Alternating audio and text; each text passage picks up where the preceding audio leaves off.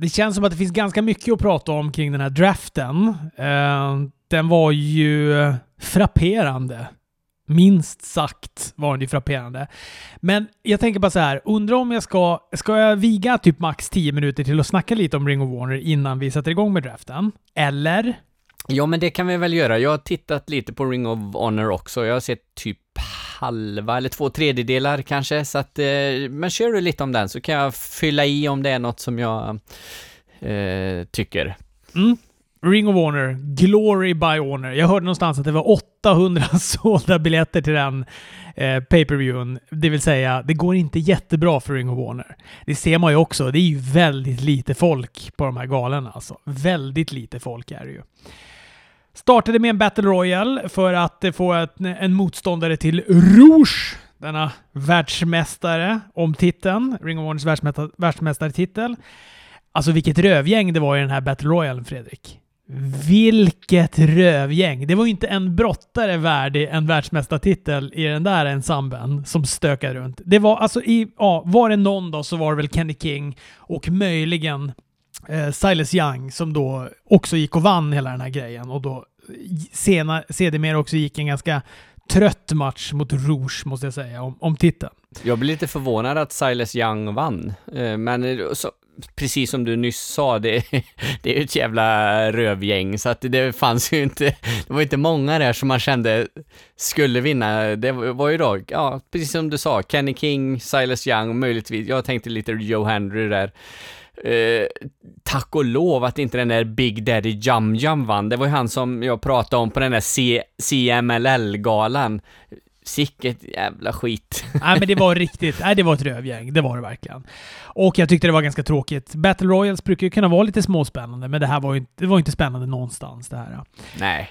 Eh, och samtidigt som, eh, som den här turneringen då för att få fram en motståndare till Rouge så pågår en annan turnering för att få fram en motståndare till Rouge, eller den då som är världsmästare när... Eh, är det Final Battle, eller vad heter den? Mm. Är det Final Battle den pay heter? Precis, det är det.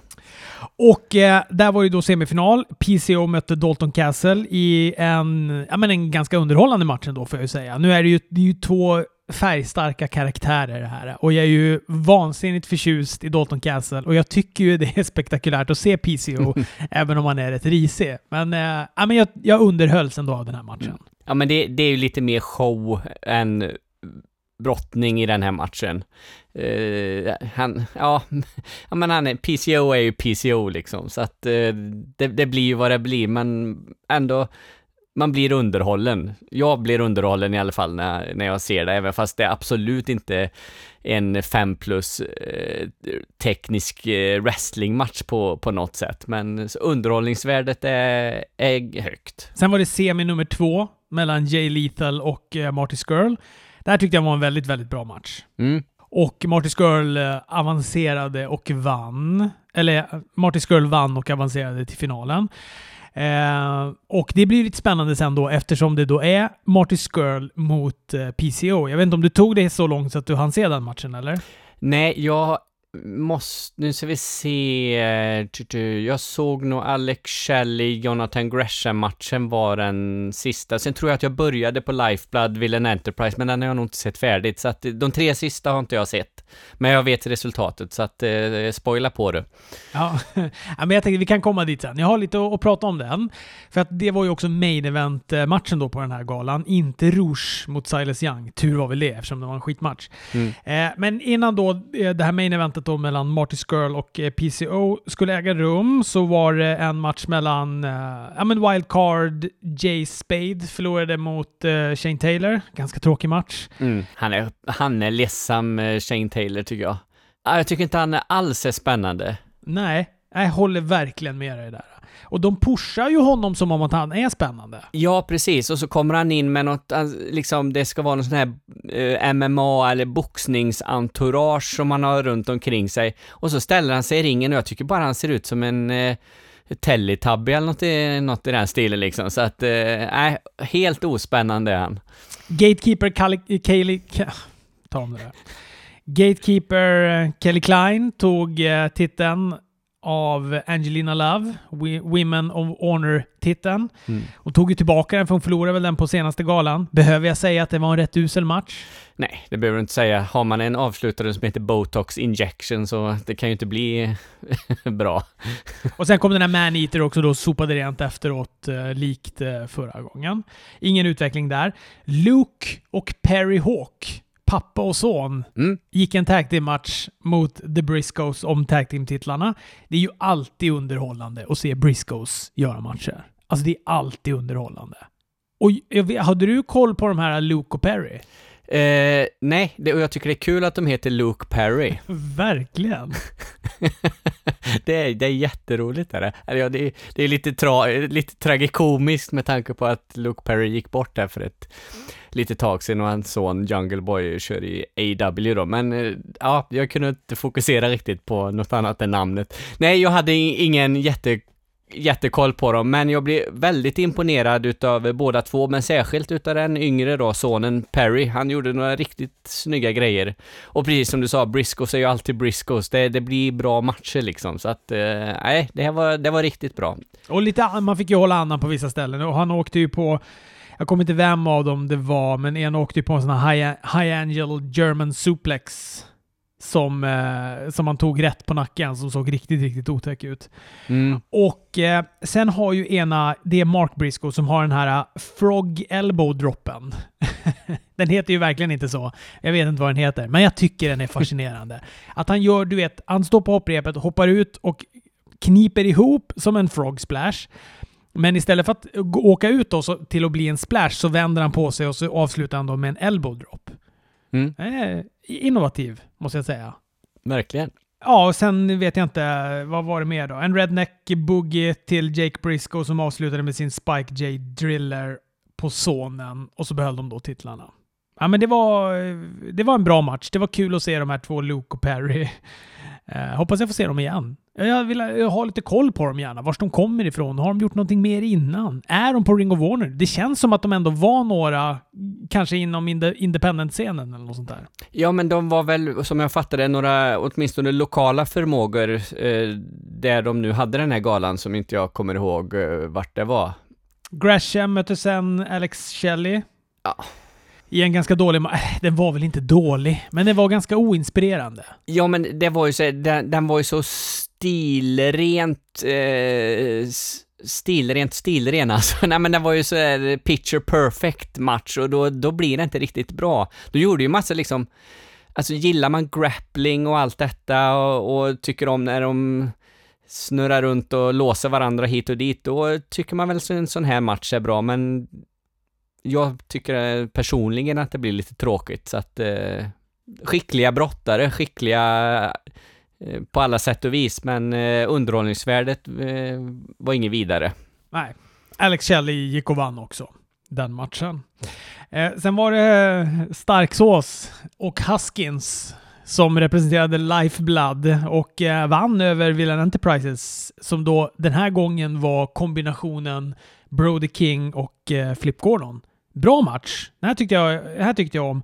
Jag gillar också, alltså Flip Gordon är lite mer vigolant än vad PCO är. Mm. Så eh, alltså rent brottningsmässigt så är det ju en bättre parning mellan med Brody King och eh, Flip Gordon. Men det är mer spexigare att se PCO och eh, Brody King när de är Villain Enterprises. Mm. Men samtidigt kanske det är bra att det finns lite olika, du kan mixa runt det lite i, i gänget där också i, så, men, eh, mm. Och sen hade du Rouge och Silas, den tyckte du var rätt trist sa du, så nu kan vi lämna den hän. ja, den var, ja, men det var tråkigt. Men det är också för att jag tycker Silas Young är så tråkig. Och att det är så fascinerande att han är så ung men ser så gammal ut. Mm. Rouge är ju cool, Mm. och, eh, men, men jag tycker Rouge kan inte bära upp det själv. Alltså Rouge är inte... Tu- det är, alltså han är inte Dalton Castle. Nej. Jag kan liksom inte ensamt se en match och bara vara peppad på ena brottaren och tycka att det blir bra. Bara för att jag är så sugen på ena brottaren. Han, be, han behöver ha någon att dansa med helt enkelt. Verkligen. Det behöver man verkligen ha. Sen eh, var det ju då det här spännande main eventet. Där möttes ju då eh, Marty Skrull PCO. Båda Six Man Tag Team Champions i Villain Enterprises då. Eh, Marty börjar med att säga att eh, ja, men alltså, det var ofrånkomligt att det skulle bli en match mellan de två eh, i finalen. Han ville inte att den här matchen skulle komma dem emellan och ber om en ren match och att båda ska hålla sig till reglerna.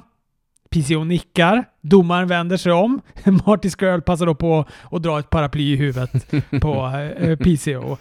Och eh, ja, men det här fortsätter ju under hela matchen också. Vid ett tillfälle så åker båda in i domaren som då däckar. Då eh, tar PCO täckning till en räkning av sex på Marty Skrull. Tyvärr så var det inte domaren som räknade utan publiken då. Domaren däckar någon till gång när PCO får sina såna här Damien Demento-gig igen. När han mm. kopplar fel, eller jag kommer inte ihåg vad du kallade det sist. När, han, när man ser att han stannar upp och börjar prata med sig själv eller någonting. Mm. Och eh, ja, men då kommer ju Flip Gordon in och bjuder på en doja i tinningen. Marty Skrull nitar han eh, med bältet, tar täckning, men PCO kickar ändå ut. För all, vid alla de här tillfällena då, där det blir en massa interference, då, då Flip Gordon kommer och, och kickar han i huvudet, eller när Marty Skrull nitar han med bältet, så tänker man ju såhär, okej okay, nu är det kört, nu kommer han inte resa sig. Men då kickar han ju ändå ut och det gör ju att man blir ja, man, vet, mm. man tycker att det blir ju spännande att se. Hur ska de lösa det här? Vem ska vinna? Efter, eh, jag tror att det är efter en, två sådana här PCO Salts, alltså hans egna varianter av Moonsalts då, så lyckas han då till slut vinna och är nu då den som får då gå en match om titeln. Mm. Kul för PCO, men han verkar ju ha lite eh, uppförsbacke i sitt egna gäng där. Brody King kom in också, givetvis, och interferade han också. Så att han... Eh, alla hans vänner från Villain Enterprises var ju med och försökte göra allt för att han inte skulle vinna den här matchen. Ja, det är tuffa tider för PCO. Men jag tänker, här förlorar ju då Martis Girl och eh, om man om man liksom läser vad folk skriver och tycker om Ring of Honor runt om i, i världen så står det ju ofta liksom, ja ah, men för fan pusha Marty Skrull. Han är ju den största stjärnan i Ring of Honor, det är klart han ska ha bältet och, och, och sådär. Eh, och det får han ju inte, det, han har ju liksom inte varit där eh, riktigt. Har det med hans kontrakt att göra? Jag, jag vet inte. Man... Ja, jag, jag vet inte. Jag, jag har ingen aning. Man, man, vi pratade ju om det här förra gången också. Det känns som att det är, det är på något sätt status quo där. Det kan ju vara så, men det kan ju också lika väl inte vara så. Det är väl klart, det går ju ut typ nu i november eller någonting, så att nu om någon gång känns det väl vanskligt att hänga det på honom. Ja, precis, för Final Battle är väl, är den i december, den galan? Eh, Jag tror att den är i december. Ja. Ja, det är åtminstone är det ju den sista galan på året, eller sista stora grejen för, för Ring of Honor. Och, och det är klart, om hans kontrakt går ut här i november, eh, då sätter de ju inte honom i en, i en finalmatch då, om ingenting är liksom är klart, givetvis. Så att, eh, och alltså, allt handlar ju om pengar, men jag, jag har ju så jättesvårt att se att han skulle stanna kvar i Ring of Honor när han har alla då eh, polarna i AW och eh, de säljer 18 000 biljetter i en arena och Ring of Honor säljer 800 och, på en pay-per-view liksom och... Ah, ah det, det, är lite skillnad och liksom... Eh, man, man tänker på det här Jericho-cruisen förra året där de satt i, i, någon, i Jerichos podcast allihopa och sa att eh, We are the elite, we stick together och allt detta. Och sen eh, givetvis på grund av kontraktsgrejer så, eh, så gick ju inte det på, på det sättet att han direkt skulle dra till AW, för han hade väl, hade ju ett år kvar liksom, men, men nu känns det ju som att det är att det är läge, och då kan man ju förstå Ring of Honor också liksom att, ja det är klart vi håller honom uppe i toppskiktet under året för han är ju så pass bra och så pass populär men kanske vanskligt att hänga på honom titlar och liksom, för det är inget att bygga för framtiden då om man ändå känner att ja men han sticker nog i november när kontraktet går ut, eller det kanske till och med är så att eh, han har flaggat för det. Det vet man ju inte. Eller vi vet inte det i alla fall. Han sa i alla fall sen, bara för att ge någonting till PCO där då, så sa han ju sen att eh, jag är 31 år och jag har hela min karriär framför mig. Jag har tid. Han tog upp att han inte har varit champ. Han bara, jag har varit här nu i tre eller fyra år, jag kommer inte ihåg vad han sa. Och jag har fortfarande inte lyckats ta världsmästartiteln. Men jag är 31, jag har karriären framför mig, du är 51, det här kanske är din sista chans och så kramades de. Så att, så att Villain Enterprise verkar ändå vara intakt. Trots att de bara minuter innan misshandlade han dem med både stolar och bord och allt vad det nu var. Stackars PCO alltså. Ja, stackars PCO. Men har han, har han brottats i den här eh, Frankenstein-kavajen hela tiden? Eller den kändes... Vilka jävla axelvaddar han har! Ja, skojar du väl? Men det, det kändes, eller jag, jag, det kändes som den var ny, den var ny för mig, men det kanske den inte var. Han kanske har brottats i den, i den innan. Jag bara ser honom i, liksom, i en sån brottardräkt med... Nej, men han, han har ju haft den här tanktoppen som han har under, men nu på senare tid har han börjat behålla kavajen på. Mm. Eh, med de där axelvaddarna. Han ser ju mer, mer, han ser ju mer, mer konstig ut. Det passar ju honom att ha de där stora axelvaddarna, i och för sig. Ja, definitivt. Ja, det gör det ju. Så det, det tillför ju karaktären någonting, så att eh, han får gärna ha det, för han ser... Men jag reagerar på det. Jag tänkte liksom att han har nog inte haft det hela tiden. Så var det. Jag kan väl sammanfatta Ring of Warner med att jag tycker att det är en uh, ljummen gala väldigt många oinspirerade matcher. Inte nödvändigtvis dåliga, men oinspirerade. Om man ska se den här, spola till main eventet och kolla bara main eventet. Det andra kan man faktiskt skita i. Eh, och det känns som att det är ett Ring of Warner verkligen på nedgång det här. Mm. Det är tråkigt. För att eh, när, när jag satte på galan och började titta, även fast det inte var sådär superbra, men eh, jag, det, är, det är alltid skönt att liksom se, jag tror jag sa det sist också, det är, det är liksom det är, en, det är en frisk fläkt att se något annat än VV hela tiden, eller nu tittar man ju på, jag tittar ju på AEW, NXT och allt detta också. Men det, det är ändå skönt att få variationen. Så, och eh, när man jag, jag, blir lite glad när jag sätter på Ring of Honor och tittar på det, men som sagt, jag håller med. Det, det var en ganska ljummen gala med några toppar. Briscoes kan man titta på också, tycker jag. Eh. Så vi går över till det här eh, spektaklet som hette då eh, VVE Draft 2019, som var både på Smackdown Live och på Raw nu i måndags.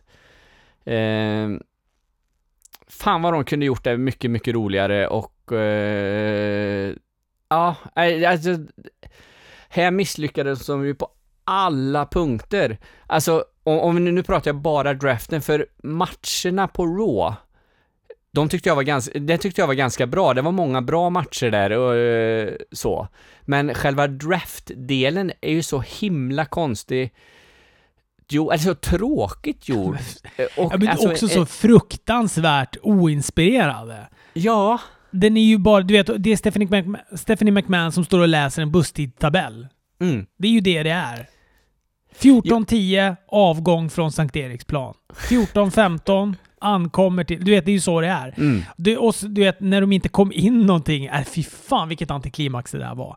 Alltså det, det där var... Och det är tur att Raw hade bra matcher. För jag tycker Smackdown hade ganska dåliga matcher. De hade några ljuspunkter. Eller om det kanske bara var Bailey som var en ljuspunkt på Smackdown. Men, men vi kan väl kanske gå igenom lite av det som hände på Smackdown strax. Men, men, äh, men det är tur att Raw hade bra matcher. För att äh, annars så känner jag att snart orkar jag inte se det där längre. Det är typ inte ens värt att ödsla de där timmarna. Nej, precis. Och nu är det, är det ju tur att den här äh, draften är över. Då kan man väl hoppas. Det där kan ju hålla på i och för sig ändå hur länge som helst. Bara nu här äh, innan vi började spela in så läste jag någon som hade postat ja ah, nu är de här draftade över dit och de här är draftade över dit. Så om jag ska vara helt ärlig, även fast jag skrivit upp vilka som draftades på just Raw på Smackdown så har jag fan fortfarande ingen aning om vem som är vars. Nej, det, det har inte jag heller och Alltså det jag tyckte var så himla konstigt, eller så himla meningslöst, det var ju att de draftade eh, de som var mästare. Det, det, är klart som fan inte de, de draftar eh, Universal-mästaren till, till Smackdown eller Smackdown-mästaren till, till Raw. Alltså det, det finns ju inte, de, de som hade bältena, eller de som har bältena, de skulle ju liksom inte ingått i den här draften. De skulle per automatik varit i, eh, i de, eh, på de branden som, som titeln tillhör. Och så vill de då, eh, då får de göra så som du gjorde med Charlotte, att eh, då får hon få tappa bältet då och så blir hon draftad till, eh, till Raw på eh, senare. Så, så kan man ju lösa det då liksom, om man nu vill ha henne till Raw och hon är Smackdown-mästare. Det, det har jag inget emot, men det finns ju he, det är ju helt meningslöst att och, och ha dem ingå i draften. Och sen en annan grej är ju att eh, både Brock Lesnar och Seth Rollins, de blir ju draf draftade som nummer 31 och 32. Och de är mästare, alltså för de blir draftade som nummer 1 och 2 i, på Raw, men då har det ju ändå varit 30 stycken som har blivit draftade redan på Smackdown på fredagen innan. Så att de är ju så långt ner i draften så det finns ju inte. De draftade i typ Lucha House Party innan de ens draftade Seth Rollins tror jag, eller om det var Brock Lesnar. Ja, precis. Men du, vet du vad? Bara för att ge en förklaring till det, för jag tyckte också det där var helt jävla vansinnigt. Men sen så har jag läst mig till då att det fanns en pool med brottare som man fick, som draften handlade om på Smackdown. Sen fanns det en annan pool som handlade på Raw. Så att eh, därför kunde de inte drafta vissa redan på Smackdown, utan det är bara så här, de här brottarna är de ni har att jobba med i de här, i de här war roomen. Mm. Men, men, men, alltså, men...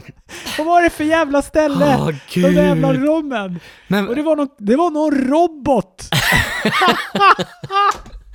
det var någon robot där. Som gjorde high fives. Och någon kille med så här Fantomen från Opera-mask eller någonting satt där också. Ja. Nej, det var det konstigaste jag har sett. Ja, och de var ju så usla skådespelare. Och Raw blev jätteglada för de draftade vem det nu var och så... Eh, alltså, det, det, finns ju ingen som beter sig så eh, som de gjorde. Och så, det, det, det störde mig också att de blandade in eh, blandade in Fox och USA Network som liksom en tävling mellan tv-kanalerna. För eh, Alltså i praktiken fattar jag att det är så för pengarna styr, men jag vill ändå ha illusionen av att det är då de som sköter om Raw och de som sköter om Smackdown, alltså och WWE, det är de som bestämmer över sina brottare, vem som ska vara vad, vem som ska göra si och vem som ska göra så. Det ska inte någon jävla Eh, robot? Nej, någon jävla robot eller en kontorsnisse på Fox. Han har inte med det att göra. Alltså, sen att det funkar så i verkligheten, ja ja. Men lämna verkligheten åt sidan. Jag vill leva i den här wrestling-illusionsbubblan, låt mig göra det. Ja, det var så besynnerligt det där. Och så du vet, då den här, då, de satt med så här bakelittelefoner och, och papper som flög. Ja, det var, de, de fick det att se ut som en jävla daytrade-kontor eller börskontor. Jag har i och för sig aldrig sett en trade inom amerikansk fotboll eller vad de nu försökte göra någon sorts plagiat på. Det enda jag bara vet är att det var riktigt fånigt och att det var exakt samma bilder som sen rullades på Raw också. Så det ser ut som att de har suttit där i fyra dagar och bara ringt i de här jävla telefonerna och high-fivat med den där roboten. Ja. Han var så konstig den där roboten. Och alla de där stackars eh, då amerikansk fotbollsspelarna och, och NHL-studios och någon jävla Premier League-studio som de lyckades få in också att de skulle ge sin syn på det hela och vem de skulle drafta och vem som påminner om vem i NHL och si och så.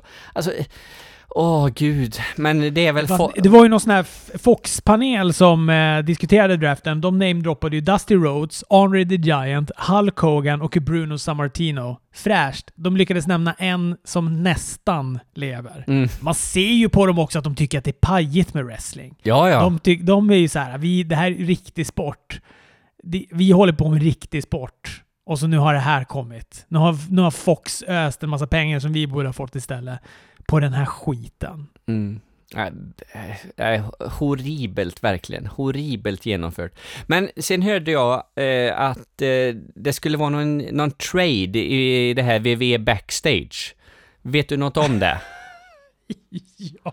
Är det Bray Wyatt som blir tradad eh, tillbaks till Raw, eller hur, hur, hur? Ja, för visst trodde man det? Man tänkte ju att okej, okay, de håller på att snacka om någon, någon eh, trade som ska vara. Det ska vara en ganska... Jag, jag kommer inte ihåg exakt vad det var för ord de använde, men jag får mig att det var någonting i stil med Big Trade. Mm. Och då tänkte man ju precis så. Nu är det väl Bray Wyatt då, för att eftersom han nu ändå har en, eh, ett upplägg fortfarande med Seth Rollins, trots att de var väldigt tydliga på Smackdown och säga There's no more wildcard rules. Alltså brottarna som är på Smackdown kommer vara på Smackdown, de som är på Raw är på Raw. Det här är kanske sista gången ni ser Roman Reigns mot Seth Rollins möta varandra. Ja, så gick det ju med det då. För eftersom de nu då ska möta, möta varandra på eh, Crown Jewel så måste de ju på något sätt ha ett upplägg. Jag kan inte tänka mig att det här Eh, när Seth eldade upp hans uh, Firefly House där, att, att det kommer vara det sista innan den här eh, uh, Saudiarabien-giget är.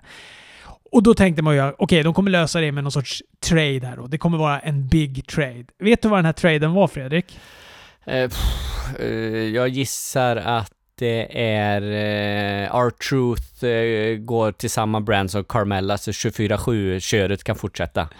Man, man, det är ungefär i samma kaliber. Nej, mm. utan det var, och nu kommer jag inte exakt ihåg vart de var först då. Jag tror att det var så att det var Smackdown som tradade Nick Cross och Alexa Bliss. Och nu tradade Raw tillbaka Nicky Cross och Alexa Bliss. Jaha. Där har du. The big trade. Ja. Ja, oh, gud. Kunde inte bry mig mindre. Nej, det är så jävla konstigt. Det är så fruktansvärt uselt det här. Men jag tycker att eh, det var en ganska bra match ändå mellan eh, Seth Rollins och eh, Roman Reigns. Mm. Men Seth vinner i alla fall, för de diskar Roman Reigns eftersom då Fina har lagt sig i den här matchen. Sen då kommer Steph in. Hon ställer sig vid podiet. Hon förklarar att Raw har då valt Becky Lynch. Smackdown har valt Roman Reigns. Raw har valt OC. Och Smackdown har valt Bray Wyatt och Raw har valt Drew McIntyre. Det är liksom första, första draften där mellan de båda. Och eh, jag tycker att det var skönt att de inte splittrade på OC, för jag var lite, lite orolig att de skulle ha... De snackade om att alla team var teams, men då trodde jag att OC det är Gallows och Anderson och så är AJ Styles en egen. Men de draftade ju alla tre då i det här läget och det, det gillade jag. Det tyckte jag var skönt.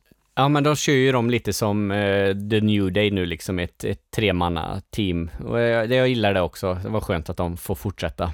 Sen tredje gången gilt då mellan Chad Gable och Baron Corbin. Nej, nej, nej, nej, nej, nej! Shorty Gable! Inte Chad.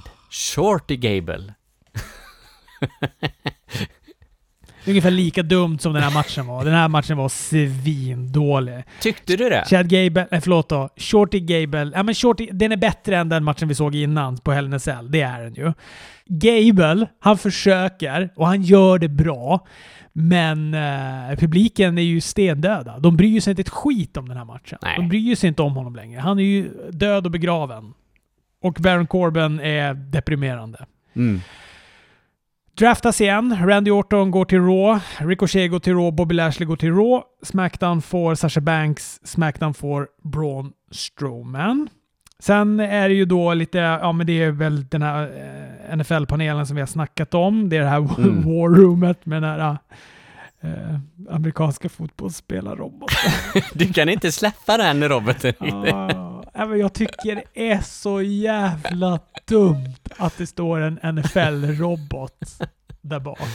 Vad är det för något? Det är någon maskot va, eller? Jag antar det. Jag funderar på om det är något som de har i, i sin eh, NFL-studio eller att det har något med det att göra, för det, det, den är väl inte från något NFL-lag kan det ju inte vara, utan det är väl någon Fox Fox-grej, gissar jag på.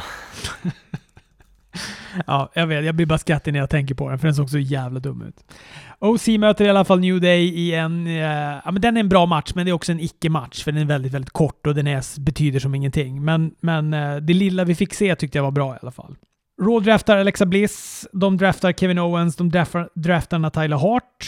Uh, Smackdown tar Lacey Evans och Revival och de tar Lucha House Party och Heavy Machinery. Viking Raiders, Nicky Cross och Street Profits, ja. Just det, de går också till Raw här ja. Och det här var ju också fascinerande, att de har pratat om att man kan drafta team, men ändå så draftar Raw slösar liksom en hel draft på att drafta Alexa Bliss och Nicky Cross var för sig. Varför gör de det? De är ju de är team. De var ju champs nyss. Ja, precis. Nej, det är ju... Det är märkligt. Är det. Du, nu ska du få höra här. Vet du vad roboten heter? Nej, den har ett namn alltså? Ja. Cletus. Fanns det inte ja. någon wrestlare som dreglade och grejer som hette Cletus? Nej, Festus var det va? Nej, det var ju, vet du det, Gallows eller? som var Ja, Festus. just det. Det var det ju ja. Det var ju han som var Festus. Okej. Klitus. Ja, det är klart han har ett namn. Robotdjävulen också. Ja, ja. Och ingen riktigt vet vart den kom ifrån, står det här. Helt plötsligt var den med på någon sån här Sunday Night Football match och sen har den varit en maskot. Ja. ja, parentes. Nu går vi till något ännu viktigare än Klitus. Vi går till eh, fortsättningen på draften. Ja, men jag tror vi var klara där. Det hade draftats klart i alla fall allting. Det sista vi fick se var ju sen då eh, Charlotte mot Bailey, kvällens main event. Och eh, ja, men jag blir ju glad här för äntligen så blir ju Bailey heel på riktigt här. Hon har med någon sorts pinne med rakblad som hon dödar sina uppblåsbara gubbar med. Och så har hon klippt en heel-page. Det gillar jag. Att hon har heel-page nu. Bailey. Ja. Vet du vad som slog mig precis innan vi spelade in, eller skulle börja spela in? Det var att jag har inte sett slutet på, på Smackdown från i söndags. Så att det, jag bara läst om detta, så att jag måste ta och titta på, eh, på det här seg segmentet. Så att, eh, men eh, utan att ha sett det så är jag positiv till det, för vi har ju snackat om det och framförallt du har ju snackat om det jättelänge att hon måste döda sina uppblåsbara figurer och eh, hila till sig riktigt ordentligt så att eh, det är väl jättebra. Ja, men jag gillar att, att hon gjorde det på det här sättet också. Det är jävligt heligt att döda dem med rakblad. Mm. Fasttejpade rakblad på någon sorts stör som hon då tog ihjäl de här luftfigurerna med. Och sen, eh, ja hon vinner ju matchen också, det vill Mm. säga titeln. Så att hon blir ju mästare också. Tar micken, säger typ “Yo bitches, screw you” eller något sånt där. Och så sen så är det klart. Mm. Heel Bailey. Eh, ja, eh, Hillbailey gillar vi, men vad är det här med att Charlotte Flair ska ha titel efter titel efter titel och hon är väl uppe i tio title range nu, men de är ju superkorta. Jag såg, jag vet inte ifall det var Fredrik Lindström som hade lagt upp någon sån där att eh, de två senaste så hade hon ju det var sådär 14 dagar på den ena och eh, kanske ännu kortare på, på det andra. Liksom, det, det är meningslöst att ha sådana champs. Och den, den här gången är det inte heller länge, är det en vecka som hon har haft titeln nu liksom. Det betyder ju inget då om hon liksom, alltså att hon har en siffra, att hon har varit Eh, champ tio gånger, men hon har ju förlorat nio gånger. Och liksom när, när det inte blir någon längd på det och inte har någon betydelse så, eh, då kvittar ju det. Så att, eh, men är det att hon liksom ska komma ikapp sin far? Det kan ju vara det, men det känns också som att eh, Charlotte Flair har väl ganska många år kvar som brottare, så att hon har ju ändå tid. De behöver ju inte köra gasen i botten för att komma upp till 16 bara för att nu. Men, eh, men jag vet inte Fredrik, vad förväntar du dig? WWE har, det är väl ingen titel som betyder någonting längre? Nej, det, det är det väl inte eh, i och för sig. Det är inte mycket som behandlas bra i, på Raw och Smackdown överhuvudtaget. Tyvärr, tyvärr, tyvärr. Ja, men sen började Raw då. Man tänkte, kan det bli, kan det bli värre än eh, Smackdown var? Och eh, det blev det ju kanske inte. Det blev ju väldigt lika, men som vi var inne på så var ju ändå matcherna bättre här tycker jag och det gjorde ju ändå någonting för helheten. Ja, alltså om, om man plockar bort alla draft-segmenten plus det här eh, oerhört pinsamma eh, segmentet med Bobby Lashley och eh, Lana när de inus- insinuerar eh, massa eh, grejer. Om man bara deletar det från sitt minne så tyckte jag att Raw var riktigt, riktigt bra. Eh, matchmässigt, alltså Ali Andrade, ja, den, den kunde varit ännu bättre, men eh, jag, jag gillar den jättemycket. Eh, Dolph Ziegler, Viking Raiders var också jättebra. Eh, och sen var det ju den här Cedric Alexander Buddy Murphy-matchen. Ja, också jättebra. Alltså, de skulle jag vilja se massa matcher och hoppas verkligen inte att Buddy Murphy går några matcher och så försvinner igen här nu, utan att han verkligen får får vara med, för eh, han är, så, han är jävligt bra alltså. Så att, eh, och Ricochet, Shelton Benjamin, ja, kanske inte var världens bästa match, men eh, mm, absolut. Eh, och sen var det väl några andra också, så att Ja, Becky Lynch Charlotte var inte så himla dålig den första matchen heller. Nej, den gillar jag jättemycket. Den tyckte jag var skitbra. Jag, jag tyckte den var jätte, jättebra. Jag tycker också Alistair Black, Eric Young, det är klart det är också en ren uppvisningsmatch, men det är ändå kul att se Eric Young. Och det känns som att det är något typ av nytt rå man ändå får se. För Mm. att, eh, ja men du hör ju vilka brottare det är. Det är så Eric Young, Buddy Murphy, Cedric Alexander, Alistair Black. Det är ju Ricochet. Det är ju liksom de som eh, är bärande i den här, eh, i den här i alla fall episoden av Raw. Sen får man väl se hur det där eh, kommer vara i framtiden. Kul att se Mm. Shelton Benjamin också tycker jag. Känns som att han, han och Ricochet gör ju ändå en bra match. Ja, jo, men absolut. Men jag, jag håller med. Eh, det, det, det, det, kändes, det kändes lite nytt och lite fräscht, eh, rent eh, vilka brottare som var inne och sådär. Så att, eh, alltså, upprepa mig själv här, men jag är liksom inte... Matchmässigt så tycker jag att det är ett, ett bra Raw. Eh, så. Sen vet i fasen för jag tyckte att det var så jävla spännande att eh, Natalia valde Lacey Evans som tag team partner. Nej, det var märkligt. Det är också så här, vad är hon nu? Är hon heel? Är hon face? Vem är heel och face? Vem är vad i det här? Det är, alla, älskar, alla älskar Kabuki Warriors, men de är heel. Och eh, Natalia, ja hon vet man ju inte, för hon är ju som en jävla pingpongboll. Hon är ju heel och face, heel och face, heel och face, heel och face. Lacey är ju superheel och har alltid varit det. Men nu när hon kommer in då så är det ju som att hon är face då. Mm. Ja, ja men det var märkligt. Och det var inte kanske någon superbra match heller. Eh, det var det ju inte. Men det kan man inte klandra Kabuki Warriors för. Nej, för de är ju, de är ju riktigt bra och eh, vet du, Aska såg ju fräck ut när hon hade det gröna, gröna sminket i ansiktet som ja, skulle se ut som tårar eller ja, att det rann från ögonen eller något. Ja, lite häftigt. Mm. Ska vi gå igenom några drafter eller känns det ospännande att göra det? Eller tycker du man ska göra det? Ja. Nej men, eh, ty tycker du att det är något som sticker ut? Jo, jag Ja. tycker att det var något som stack ut. Jag tycker till exempel att den här uh, Humberto Carillo Mm. från 205 stack ut lite grann. Han är, han är riktigt bra. Han gick ju, han var ju med i någon eh, cruiserweight-match mot Drew Gulak eh, om en titel på någon pay-per-view. Du vet, på någon, det alltså, man har ju redan glömt, det var typ två pay-per-views sen. På någon pre-show inför någon pay-per-view. Ja, just det. Ja, det, så var det ju. Och, men sen har han ju gått, eh, NXT har han ju gått en del matcher och eh, sådär, så att, eh, nej, han, han tycker jag är riktigt bra. Jag eh, gillar honom. Sen är det väl inte någon i publiken som vet vem han är direkt, så att antagligen. Så att det är väl inget sådär att hänga, hänga titlar på direkt, men eh, bra kille.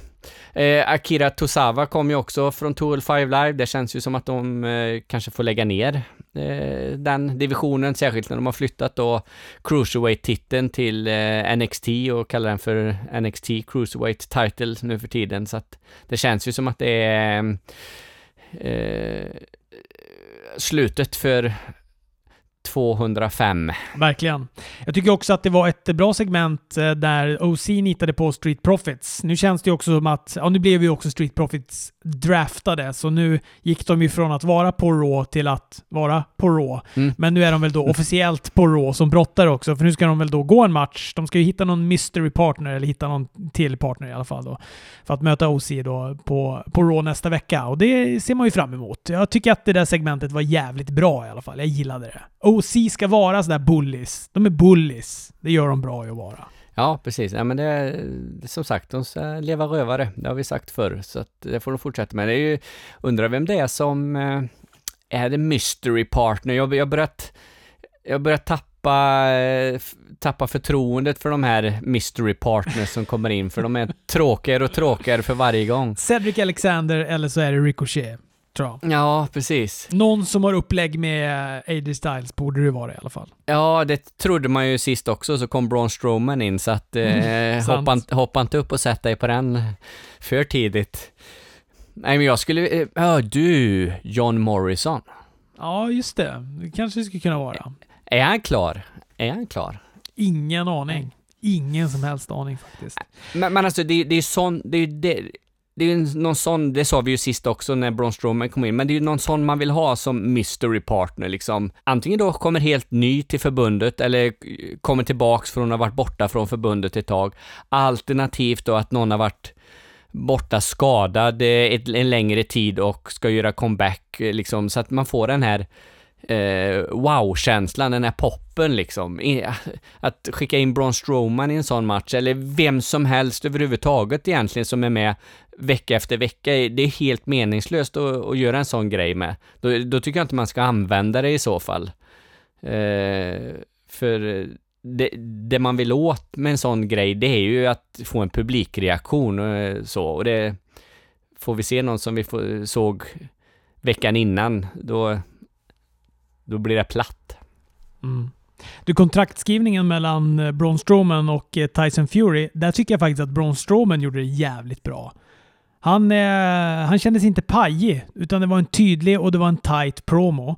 Däremot den här Tyson Fury, han skulle ju verkligen behöva ett mouthpiece eller eh, en kurs om inte annat.